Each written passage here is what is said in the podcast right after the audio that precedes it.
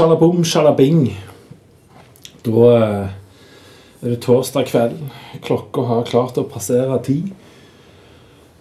Jeg eh, ligger i en seng, et stykk seng, på et stykk hotellrom på et stykk hotell som heter Meiergården. Scandic hotell Meiergården på eh, Moro i Irania. Eller Mo i Rana, som dette. Eller bare Mo. Mor di i Rana. Uh, ofte der hun er. Jeg har uh, i kveld uh, hatt en liten performance på åpen scene. Og det gikk bra. Spilte to låter. 'Umulige drømmer' og 'Memories' fra albumet 'Lost'. Loste i land på det. Altså, jeg er jo så i stjernehumør nå. Og så har jeg et glass med saft med meg på rommet. Sånn spesiell saft som du måtte i hotellbaren for å få. Eh, den er, det er sånn eh, Fun Light 1664 heter den. Jo da, nei da. Det er interessant å se folk som har både vært på scenen mange scenene Faen. Ja, for øvrig, det gikk bra med, med synging, med, med, den hostestemmen jeg har for tida. Det var jo uh, betryggende. Betrygg Vesta-ende. Uh, men det er interessant å se folk som har stått på scenen mange ganger og over mange år som er vant med det, at de blir nervøse, de òg. For jeg, jeg, var jo nervøs, selv om jeg sånn rasjonaliserer det. Um, uavhengig av situasjonen, prøv å generalisere til at du skal gjøre noe foran x antall mennesker som du ikke har fått bestemt, bestemme hvem er. Så du har ikke valgt ditt eget publikum. Uh, du står på scenen fordi Eller du står foran de og skal legge fram noe fordi du i utgangspunktet skal kunne dette bedre enn de. Ellers hadde jo du ikke stått foran de, men vært til stede i rommet for å ta del i det noen andre legger fram for deg. Så rollen hadde vært snudd hvis ikke du egentlig hadde ekspertisen eller kompetansen. Upper hand på en måte. Bare ta en slurk med saft. Ja Nå kommer det meldinger inn på klokka her. Kjenner jeg. Men det er interessant da å se nervøsiteten. Men hva er det der greia med at nervøsitet skal være en negativ ting? Og liksom farlig og skummelt og OK, men la oss vi må, vi må, være litt rasjonelle, tror jeg, når, vi tilnærmer oss sånn ord, fordi ubehag er vi jævlig dårlige på, føler jeg, da. Min opplevelse er at i samfunnet i dag, i det norvegiske samfunn, så er vi litt dårlige på ubehag kanskje i det vestlige samfunnet òg, eh, litt dårlig på ubehag fordi vi vil helst unngå ubehag.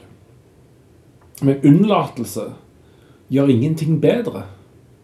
Og hvis du unnlater noe som er ubehagelig mange nok ganger, så går det over fra å være ubehagelig Alle kan i alle fall gå over fra å være noe ubehagelig til å bli noe angstfullt. Og det er forskjell da på å være nervøs og på å være redd. Um, I stedet for å unngå ubehaget, så skal du ikke nødvendigvis oppsøke det med hode og hals Hode over hals Hva faen heter det? Med, med hodet først, i alle fall. Uh, du skal ikke stupe inn i ubehaget nødvendigvis. Du skal gradvis eksponere deg for det. Eh, sånn så For to år siden, i forkant av at jeg skulle spille på Visefestivalen i Okabøy, eh, så hadde jeg jo aldri vært ordentlig foran et uh, publikum jeg ikke sjøl har valgt, med egne låter. Jeg hadde, jeg hadde, jo et par fortolkninger av såkalte coverlåter. Hadde jo det òg, men i hovedsak var det egne låter, fordi samme dag så ga jeg jo ut soloalbum. Så det var en, for meg en slags release-party. Og så var jeg jo lur nok til å invitere og prøve å få med en del venner og litt familie på, på, på festivalen. Eller i hvert fall den konserten, da. Uh, så, så, da hadde jeg en viss kontroll over publikum. Men sånn likevel. Det var jo en plass jeg aldri hadde spilt, og masse ukjent. Så bare prøv å sette deg sjøl i en situasjon at du du har jobba med noe i mange år som du vet at du kan når du tenker deg om. Um, du liker egentlig å gjøre det, men du skal gjøre det på en plass du aldri har vært. Og du vet ikke hvor mange som kommer. Uh, du vet ikke hvor stor prosent av publikummet som som du er trygg på. Du vet ikke hvor stor den prosentandelen er. Så det kunne vært i Egersund at hele publikummet var folk jeg hadde invitert og fått med ned, men det var ikke det. Og bare så lenge det var én person som er en sånn løs parameter, én eh, person du ikke har kontroll på, eller bare så lenge det er X eh, mindre enn eller, nei, større enn eller lik 1 X eh, større enn eller lik 1, så gjør det noe med deg. Da er spørsmålet blir du redd for å gå på scenen, eller blir du redd for å gå foran disse folkene? Eller blir du nervøs? For hvis du blir redd, så må man begynne å tenke Men hvorfor blir du redd? Kanskje fordi du gjør noe du egentlig ikke står inne for. Eh, du gjør noe du ikke er trygg på. Du gjør noe som ikke er helt deg. Noen andre burde stått der i stedet for deg. Du har blitt pålagt å gjøre det fordi noen må gjøre det, og du er den siste som blir ansatt her, så du må ta det for oss fordi ingen andre vil, og du var sist inn, først ut på scenen. Mm. Ok, men da er det frykt. Og frykt og angst er jo ned den samme gata. Men det er det noe Det er det. Det er noe annet enn nervøsitet. Nervøsitet er en bra ting. Nervøsitet er beslekta med spenning. Og spenning er nært knytta til forløsning. Eh, ikke utløsning. Eh, forløsning brukes vel òg i en annen sammenheng som Jo, jo. Men eh, spenning og avspenning, kan man si, da at spenningen blir, blir løst opp i en avspenning. Uh, og der får man en slags utløsning av, kropps, uh, av en kroppslig reaksjon og fysiologiske reaksjoner av hormoner uh, på innsiden av en skrott som aker en kropp.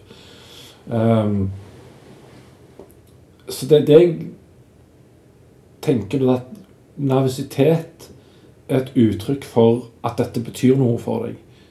Du vil at dette skal gå bra. Men da er det fordi at du er innenfor noe du kan, og noe du egentlig er trygg på. Men du er litt uvant med å gjøre det. Men kanskje ikke det engang. Du kan være vant med å gjøre det. Men likevel kommer det fordi du har så lyst til skal gå bra. Og når du slutter å bli nervøs, så bør du endre på noe. For da er du i komfortsonen, og da da, går du inn i stagnasjon. Lever du i komfortsonen, så lever du i stagnasjon. Hvis det er en nasjon, og hvis det er et ord um, Stagnering Altså, det, det kommer til enden der uansett, for å si det på den måten. Så ja, jeg var nervøs i kveld. Eh, og Det er litt rart på én måte, men samtidig ikke. Fordi at ja, jeg vil det skal gå bra, det betyr noe for meg. Fordi dette er låter jeg har skrevet tekst på. Jeg har lagd melodien. Jeg har lagd sangene. Det, det, er meg. Og jeg sitter alene på scenen og spiller piano og synger foran et publikum eh, der X er, er større enn eller lik 1. Og så var det én person i publikum, den var jo heavily outnumbered. En person i, pub- to personer i publikum som jeg visste hvem var fra før. Og den ene var jo arrangøren. Som eh, Ja, ok, den ene var arrangøren. Og den andre ei som jeg har blitt kjent med, som kom for å høre meg gjøre dette. Og det er jo fint. Men X var jo mye større enn en. Så nervøsiteten var der av tanken på andres reaksjon. Jeg, jeg håper at de tar det vel imot. Så nå har jeg jo fått de siste dagene meldinger, altså bilder av folk som har mottatt bøkene. Uh, og sånn, å, gleder meg til å lese. tenker jeg, å, kult! Håper det står til forventningene. Um, så jeg er jo litt nervøs for reaksjonene til folk. Um, jeg vet jo ikke helt om jeg skriver bra, men jeg skriver det i alle fall. Og så skriver jeg fordi jeg syns det er gøy, og så betyr det noe for meg at folk liker det jeg gjør. Så ja, jeg er litt nervøs for reaksjonene, eh, men si gjerne hvis du ikke liker det. Og så skjer liksom det magiske, da, at um, etter jeg har spilt, og etter selve altså åpen scene er ferdig, så kommer hun som arrangerer det, bort og sier 'kjempebra'. De andre artistene som var oppe, eh, og sangerne sånn, ja, veldig bra, jeg var fornøyd. Meget bra spilling og fin synging. Og, og hun som arrangerer det, hun driver jo òg eh, Hun driver òg som sangpedagog. Så hun har liksom objektivt sett Så betyr jo det hun sier noe. Hun har kred, for min del. Hmm, det er jo et interessant spor. Så hun ga kred. Og hun ga det òg på vegne av keyboardisten i bandet som kompa de andre sangerne. Jeg var jo den eneste som spilte og sang sjøl. De andre hadde komp. Det, det er verken bedre eller dårligere. Det er, liksom, det er bare en annen ting. Uh, kan bare prøve å stå sjøl foran et publikum alene med en mikrofon, og bandet står bak deg og spiller, og, og folk ser på deg. Jeg er jævlig glad i keyboard. Og det sa de sangerne òg. Herregud, du har noe keyboard du kan gjemme deg bak, du. Eller pianoet. Det har ikke vi. Nei, I know. Så det er tøft gjort av dem. Men keyboardisten, da, eh, eller tangentisten Tisten Nei, ikke, jeg sa ikke tissen. Tisten. Tangentisten. Um, han hadde da sagt til hun som arrangerte bra greier. Og så kommer hun venninna bort, da, for hun måtte på quiz etterpå. Så sa hun Hun satt på sida av veien som satt og eh, liksom spilte piano. Akkurat som noen spiller luftgitar, så spilte han luftpiano. Fordi han ble reven med. Og jeg tror det var han jeg med, kom i snakk med etter konserten. For jeg gikk tilbake til hotellet eh, en liten tur. Og så tilbake til den plassen. Kjøpte meg en, eh, et glass med saft som heter isbjørn. Eh, ja da. Og så satte jeg meg ned liksom for meg sjøl ved et bord helt innerst i lokalet. Men eh, rett ved siden av noen folk. Og så til slutt så snur han duden seg, da, og jeg mistenker at det var han som spilte luftpiano. Og så sier han ah, 'Jævlig bra spilling og bra synging'. Uh, fortsett med å lage musikk og gjøre musikk og det der. For dette var bra, liksom. Ja, og han hørte altså, 'Dette har du gjort før', og 'Dette kan du'. Ja, kult. Ok, boost. Så da var det en publikum som, som ga bekreftelse. Han var visst musiker sjøl. Ok, det, det betyr jo litt å høre. Igjen, ok, det, jeg må holde det sporet litt varmt. Eh, så på vei ut, da, så går jeg forbi scenen tenker jeg går opp. For det, det, det bandet som kompa, satan, de var bra. Spesielt trommisen og bassisten. Fy faen, de var bra. Så bare ga, gikk jeg opp for å gi dem litt kred. Og de var sånn Wow, ta, ta meg i hånden. Liksom. Wow, du var, det var kjempebra. Altså, og igjen, musikere som som gir kred til en musiker, det betyr jo noe. Og da må jeg begynne å minnes mine egne ord, da. Fordi um, Men det skal jeg ikke nå. For nå, nå kommer det henting inn et spor som er galt varmt nå. Trenger du andres bekreftelse for å løfte deg sjøl, nytter det egentlig? For Men jeg har prøvd den der, og, og det er et uheldig spor å gå inn i at du, du craver litt andres bekreftelse. Så du, du legger liksom opp til at andre skal bekrefte deg. Eh, det kan være at du, du gjør deg liten før du skal gjøre noe som du er veldig nervøs for.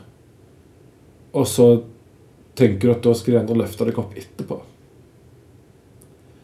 Eh, det gjør de egentlig ikke.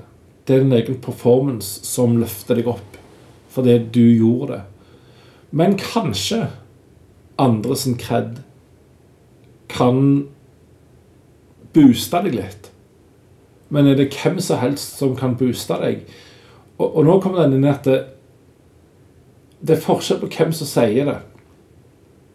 Men alt betyr noe fordi um, OK, den gangen niesene mine De er ikke mine. Eh, den gang niesene var syv og ni Tror det var noe sånt. En god del år siden, iallfall. Så spilte Høie Johansen, altså Peter og jeg, vi spilte en konsert på Skei, Ivar Skei-loftet før når, når Ivar Skei ennå eksisterte i Sandnes. Så spilte vi en gig der. Og da sa de etterpå du, du er flink, onkel. OK. Jeg tror de. Jeg tror på at de syns at jeg er flink, men objektivt sett det, det, kan liksom ikke løfte meg. Det er koselig at de sier det, og jeg tror på dem, og jeg setter pris på det. For det har, sin egen, altså, det har en egenverdi. Vi vet jo at det å gi kompliment eh, er verre enn å gi noe negativt. En, et ukompliment. Eh, en ukompliment. Um, det, det, koster litt mer å gi en kompliment enn å gi en ukompliment, for å si det sånn. For det, det å si noe kjipt er en lavthengende frukt, og den mest lavthengende frukten. Fordi det er lettere å se tornen i til neste side enn bjelken i ditt eget øye. Halleluja. Så OK. Neste steg blir jo da å gi kred. Så når du får kred fra noen, når noen sier noe positivt til deg, så vet du at dette koster noe å gi. Eh, noen gir det fordi de vil vinne noe tilbake sjøl. Så derfor skal du ikke gi mekanisk skryt til noen. 'Fy faen, du er flink. Du òg.' Ah, fuck off. Einartig fuck off. Ikke, ikke gjør sånn. Det sier til og med psykologer. En kompis av meg som er sammen med meg som er psykolog hun sa noe til han som, som, som gi kred, kompliment, og så svarer han tilbake vet du hva, eh, du òg. Og så sa hun ikke si det, fordi at da undergraver du den komplimenten jeg ga. Ta den til deg og si takk, og sett pris på den fordi jeg gir deg ikke den komplimenten for å få noe tilbake. Bare ta det til deg. Si takk. Du har ingen forpliktelse til å gi noe tilbake akkurat nå. For da, det har ikke troverdighet. Det er ikke linka til noe annet enn at jeg sa noe fint til deg. Det er ikke en forpliktelse til å gi noe tilbake. Akkurat som en gave er ikke en forpliktelse til å gi en gave retur. Det er en tjeneste. Så når du kjøper julegave til noen, eller bare Fuck julegaver. Når du kjøper en gave til noen, så er jo det for å si takk for et eller annet. Sånn type Jeg vet ikke hva bedre jeg skal gjøre. Jeg, jeg kjøper en ting, for jeg, jeg vet ikke hvordan ellers jeg skal si takk til deg, for du er ikke en klemmetype eller et eller annet. Eh, så, så, jeg gir deg denne tingen som eh, takknemlighet. Da ber ikke jeg om å få takknemlighet tilbake igjen. Jeg ber bare om at jeg må få gitt dette til deg for å si tusen takk, fordi det er noe med deg. Fordi du er deg. Ok, så niesene mine den gang når de var syv og ni, tror jeg det var, eller åtte og ti, noe sånt, eh, sa Kjempeflinke, gode spillere. Fint. Du spiller fint, synger fint. Men så er det det at jeg som er utrygg på synginga Piano Jeg er ikke utrygg på spillinga.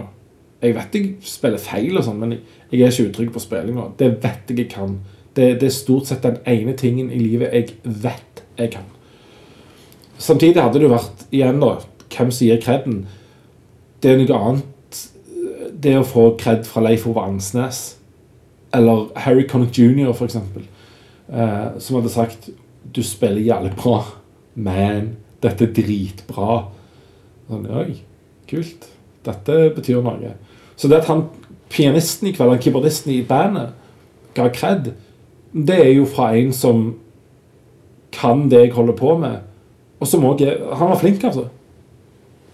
Så det var ikke det at eh, han ikke var bra fordi trommisen og bassisten var så bra. De var bare helt vanvittig bra. Og så var det så mye mer framtredende i lydbildet enn det keyboardisten var. Men jeg hører jo at han kan sine ting. Eh, Det er lett å kjenne igjen. Så der fikk du en slags faglig objektiv kred fra en fellow musician og til og med en på samme instrument. Så det betyr noe. Og det, det er litt det som er poenget her, da, at jeg ba ikke om å få den tilbakemeldingen. Jeg fiska ikke etter den. Men det, jeg vet òg at det ikke løfter meg. Det gjør ikke meg større enn jeg er. Det gjør bare at ah, Men da er det fint. Da er det blikkstille vann. Da, da kan jeg ta det med ro. Fordi at det kan ikke løfte meg.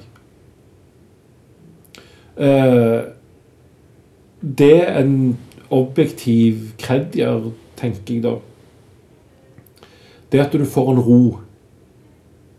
Så der du har et nervøst vann, og kanskje nesten litt angstete vann, så kommer en objektiv faglig kred og gjør det stille. Um, mens kredden fra andre den er jo, det, er jo en subjektiv kred, vil jeg mer si. Altså, um, en, en, en venn eller et barn og sånn. Så det, og, og, Dette høres så jævlig hovmodig ut, men, um, men bare ta det ut fra ditt eget felt, din egen styrke. Det du kan bedre enn meg.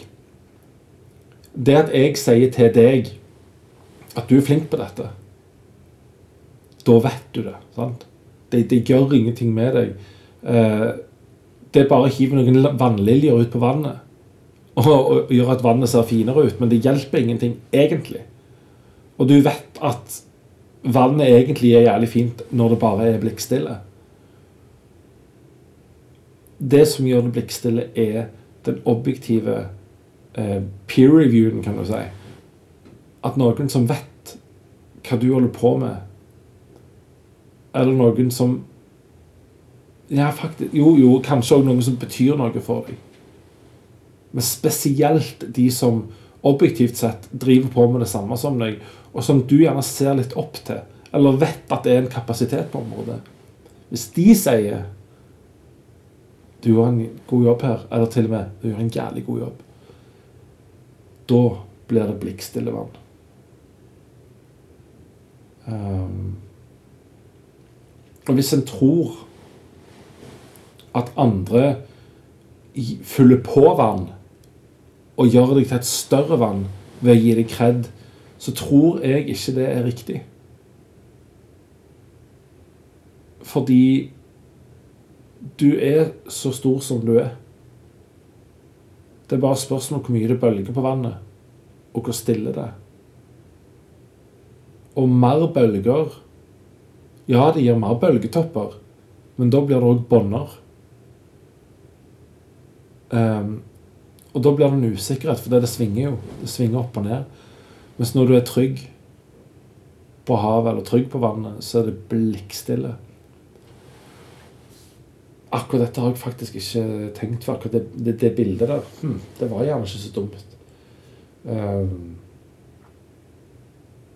det er lov å komme med innspill på det jeg sier. For eh, det tas med. Det tas i betraktning. Andre ting som har skjedd den siste uka For nå, er- jeg, kjenner meg ferdig med dette her Jeg liker ikke å Det som gjør at jeg ikke liker å snakke om sånne ting, dette det Jeg at det bare handler om meg, og jeg har det bare skal handle om meg, for da er det ikke perspektiv. Eller bare ett perspektiv. Det er bare død. Men eh, Jeg må bare ha en slurk med saft. Gyselig god denne saften. Fy faen. Syns det er de bedre saftene som er, faktisk. Um, det hørtes bare jævlig feil ut. Åh, fy faen. Dette her er Det er lett å tenke koffert. Sant? Det vet vi jo. Og av og til så kommer kofferttankene i feil kontekst. Heldigvis så er de som sier det, de forstår ikke hva de sier. Så, så for de blir det bare en helt sånn objektivt helt nøytral ting å si. Men altså åh, dette, dette må jeg bare få delt. Um, jeg måtte bare si til meg sjøl nei, nei, nei, nei, nei, ikke tenk dette. Bare prøv å slette dette fra hodet ditt. Bare slett dette. For dette Dette hørte du ikke. Vi snakker om mat. Jeg har noen uh, elever. Uh, og så er det ei som har en far som er matlager, altså en KOKK. Og så eh, kom vi inn på mm -hmm, pølser. Åh. Og så sier hun i, i, med entusiasme Å! Fars pølse er verdens beste. No, noe i den duren. Eller Og jeg elsker pølser til far. Det var, det var noe sånn Og det bare fuckings eksploderte inn i hodet. Og, jeg måtte bare bite meg under leppa sånn nei, nei, nei, nei, du hørte ikke dette. Du hørte ikke dette. Dette har ikke skjedd. Dette har ikke skjedd. Ikke, ikke tenk Nei, ikke tenk videre på dette. Å, la det ligge. Jeg klarte, jeg klarte heldigvis å bare puh, La det gå. Men fy faen, altså. Av og til Kids say the darndest thing. Ja Men ja, den siste uka Nå er jeg jo på uh, Mo, og det er torsdag. Lørdag som var, da var jeg òg på Mo. Med tre lokale Nei, to lokale svensker. To, to Loven-svensker. Og en uh, Loven-Loven-væring. Uh, og vi var Cirka. Vi var på black metal-konsert i det lokale jeg spilte i kveld. I det lokalet jeg spilte i, i kveld. Nei, jeg har ikke begynt å stamme. Igjen i, i, i, i indianerstamme. Så det var jo gøy. Bodde på uh, Hotell Helma, der det er middag, uh, buffé, middag inkludert i prisen. Sett den så bra jævlig digg frokost så anbefales hvis du noensinne skal til verdens navlelo, Mo i Rana, så bo på Clarion Helma. Good shit. Definitivt det beste hotellet i byen. Nå bor jeg på det som sikkert regnes som det nest beste. Nei, jeg da igjen.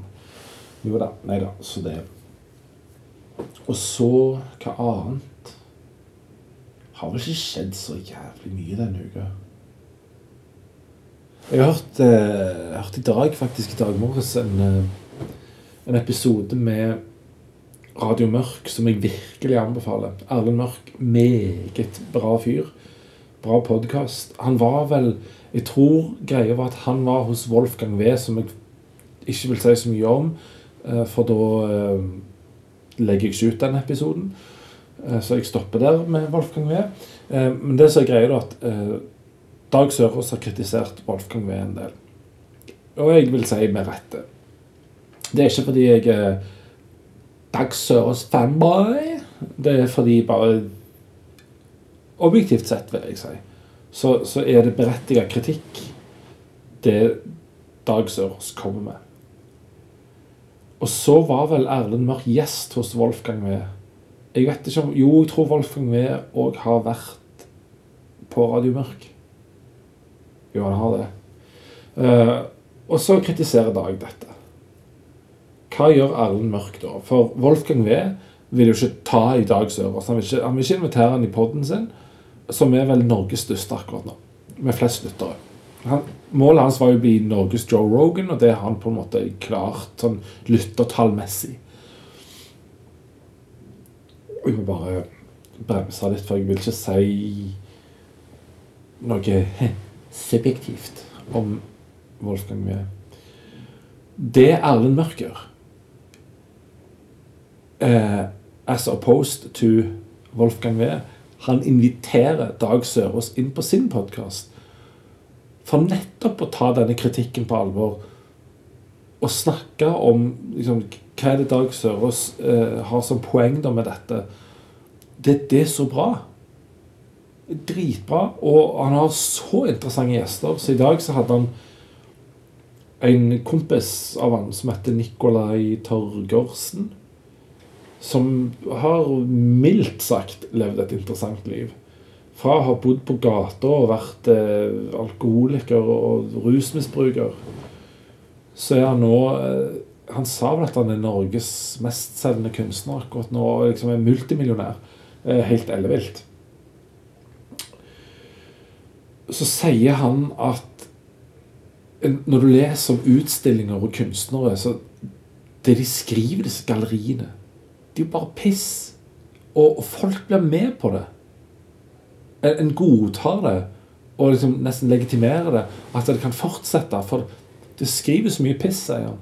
Om, og det var det ordet han brukte. Det er ikke mitt ord. Han brukte ordet 'det er bare piss'. Fordi de skal linke det sånn historisk sett til noen kunstnere, og så skal de legge så jævlig mye betydning i det og bruke veldig store, svulstige beskrivelser. Og så er det bare fjas. Og så kombinerer jeg det med noe altså Han sa det du intellektuali... Um, Nå må jeg kunne si Intellektualisere det som egentlig er greia. Eh, og, og gjøre det større enn det det er. Og, og ja, gjøre det, mer, gjør det klisjéaktig når det ikke hadde trengt å være det. Men folk blir med på det og opprettholder det. Og så skrev mor mi noe her, det var vel i går kveld. Så hadde hun fått bøkene. Og så sa hun ja, liksom, du, du burde jo sendt dem til noen sånn brenner, som så han kan anmelde bøkene. Send det noen som kan anmelde dem. Og så begynte jeg å tenke hva faen da for? Hvorfor skal jeg Altså, ok, så er det sånn Kjenner Brenner meg? Nei. Um, vet han min historie? Har han satt seg inn i historien? Nei. Nei, men Hvorfor i helvete skal han anmelde bøkene mine? Hvorfor skal en eller annen eh, forstå seg på og liksom eh, Liksom viter skrive noe om mine bøker når de faen ikke vet noe om meg og egentlig ikke bryr seg om meg engang. En eller annen dildo i Aftenbladet. Hvorfor skal han si noe om mine bøker? Jeg, jeg er ikke interessert i det. Men hvis du som lytter på dette, har, har lest eller har lest bøkene og har en eller annen tilbakemelding, samme hva han er, det setter jeg pris på. En ærlig tilbakemelding fra folk som eh, bryr seg om meg, som vet hvem jeg er, og som eh, har lyst til å lese bøkene for å lese bøkene. Ikke for å anmelde dem. Da er du anmelder. Du sjøl er anmelder av din egen leseopplevelse. Og så deler du den med den som har skrevet boka, hvis det er mulig for deg å gjøre. I dette tilfellet er det jo det. Jeg setter pris på det, men jeg, eh, jeg krever det på ingen måte. Eh, hvis du ikke gir noen tilbakemelding, så betyr det bare at du har ikke gitt tilbakemelding. Det betyr ikke at du ikke har likt det, det betyr ikke at du har likt det. Det betyr bare at du ikke har gitt tilbakemelding. Gir du tilbakemelding, så betyr det at du har gitt tilbakemelding, og hvis den er eh, Dette kunne vært bedre, så gir du en genuint god tilbakemelding fordi du ønsker at det jeg gjør, skal bli bedre. Og hvis du sier at det, er bra, så bekrefter du. Det òg er fint. Og da betyr den kreden noe. For den gjør at vannet blir stille. Aha. Gone full circle her, kanskje. Hvor skulle jeg hen med dette? Ja! Anmeldere og intellektualisering. Intellektualisering. Eh, Jeg husker når um, Asle i Bøker og Børst Publishing sa Ta så skriv du, du må, Jeg skal skrive en kommentar, sa han. Uh, altså han skal skrive en kommentar eh, på boka i slutten. Når eh, alt er ferdig. Når innholdet er over. Og så skal jeg skrive en introduksjon. Og det har jo jeg aldri gjort før. Så jeg spurte hva skal, det, hva skal det stå i den introduksjonen. Hva faen er det, liksom? Nei, det var litt vanskelig å si. Det kunne egentlig være hva jeg ville. Sånn, OK. Det var jo Det hjalp jo. Ha, takk skal du faen meg ha, din humlepong. Men ja eh, Da tenkte jeg mer at instru eh, ja, instruksjonen, for det var det det ble egentlig Hvordan ønsker jeg at du forholder deg til denne boka? Hvordan ønsker jeg at du skal lese den? Hva vil jeg ikke legge meg opp i, og hva eh, Ja, og hva vil jeg ikke legge meg opp i? Du skal få ha din opplevelse, du skal lese det sånn som du ønsker. Uh, at noen har sett en historie her, det betyr at de har sett en historie. Hvis du ser en annen, så gjør du det. Hvis du ser en historie i syv deler, og ikke de tre delene det er delt opp i, så gjør du det. Um, du får ut av teksten det du vil. Jeg vil ikke legge føringer. Jeg prøvde ikke å intellektualisere det. Jeg prøvde i minst mulig grad å si hvilke forfattere vil jeg linke det opp til. Men jeg linker det ikke opp til noen. Eh, så, så kanskje du ser noen obstfelder i det, men kanskje ikke. Eh, men det er bare fordi jeg ser av obstfelder, er kanskje den teksten som noensinne har gjort sterkest inntrykk på meg. I alle fall foreløpig. Um, og så tror jeg kanskje jeg nevner noe annet òg. En annen forfatter i den André Bjerke, tror jeg. Men det er bare fordi jeg syns André, André Bjerke skrev jævlig bra. Det betyr ikke at jeg prøver å skrive som André Bjerke. Men hvis du finner tegn til André Bjerke i måten jeg skriver på, ok, så gjør du det. Men satan, så pretensiøst jeg følte det var. At nå skal jeg prøve å sette meg i, et, i sporet til André Bjerke øh, Nei, på ingen måte. Og nå skal jeg sette meg i sporet til Obstfelder. Øh, nei, på ingen måte. Så jeg følte Jeg, jeg kjente på det når han Nikolai Torgersen sa Det blir så jævlig intellektualisert. Ja, jeg er enig. For når en forfatter skal sitte og beskrive sine egne bøker, så det blir så jævlig cringe. Kanskje noen kan, øh, Kanskje bare lese boka for det den er? Kanskje bare se dette kunstverket for det det er? Så får du det ut av det som du gjør. Hvorfor må noen skrive noen helvetes ord om det? Og så skal så kan kunstneren gjerne få skrive noen ord om hva tanken bak det var. Sånn at sånn Å ja, du har sett det. For moderne kunst Jeg har vært på det der Hva heter det der jævla i London? Tate. Det var jævlig teit òg var et sånn jævlig sånn svært opplegg, så det eh, Hva kalles det? Jeg, nå har jeg glemt helt ordet. Men det var Det var noe jævlig svært, noe som jeg ikke helt forsto hva, liksom, hva var poenget her? Sikkert jævlig kult, men jeg forsto ikke poenget. Da hadde det vært fint hvis det sto sånn Kunstneren har tenkt i denne retningen. Å, oh, ok når jeg ser Hertervig og så, en, så en anmelder, da. En eller annen humlepung i Aftenbladet.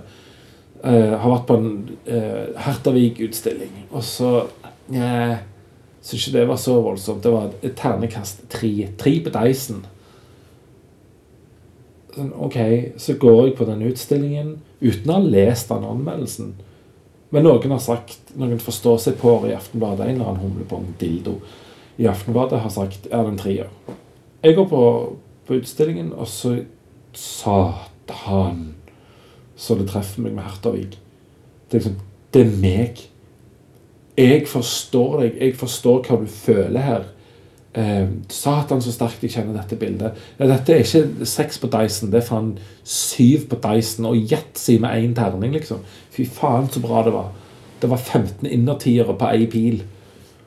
Eh, hva betyr det den anmelderen sa? Og en eller annen jævla intellektualisering av hva han ser, og beskrivelsen, galleriet av. Fuck it. Du ser det du ser. Der trengte ikke jeg noe mer om hva kunstneren tenkte, hva retning den tenkte, for det kjente jeg.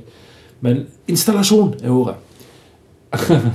Moderne kunst. En av sånn gigainstallasjon som jeg ikke helt forstår.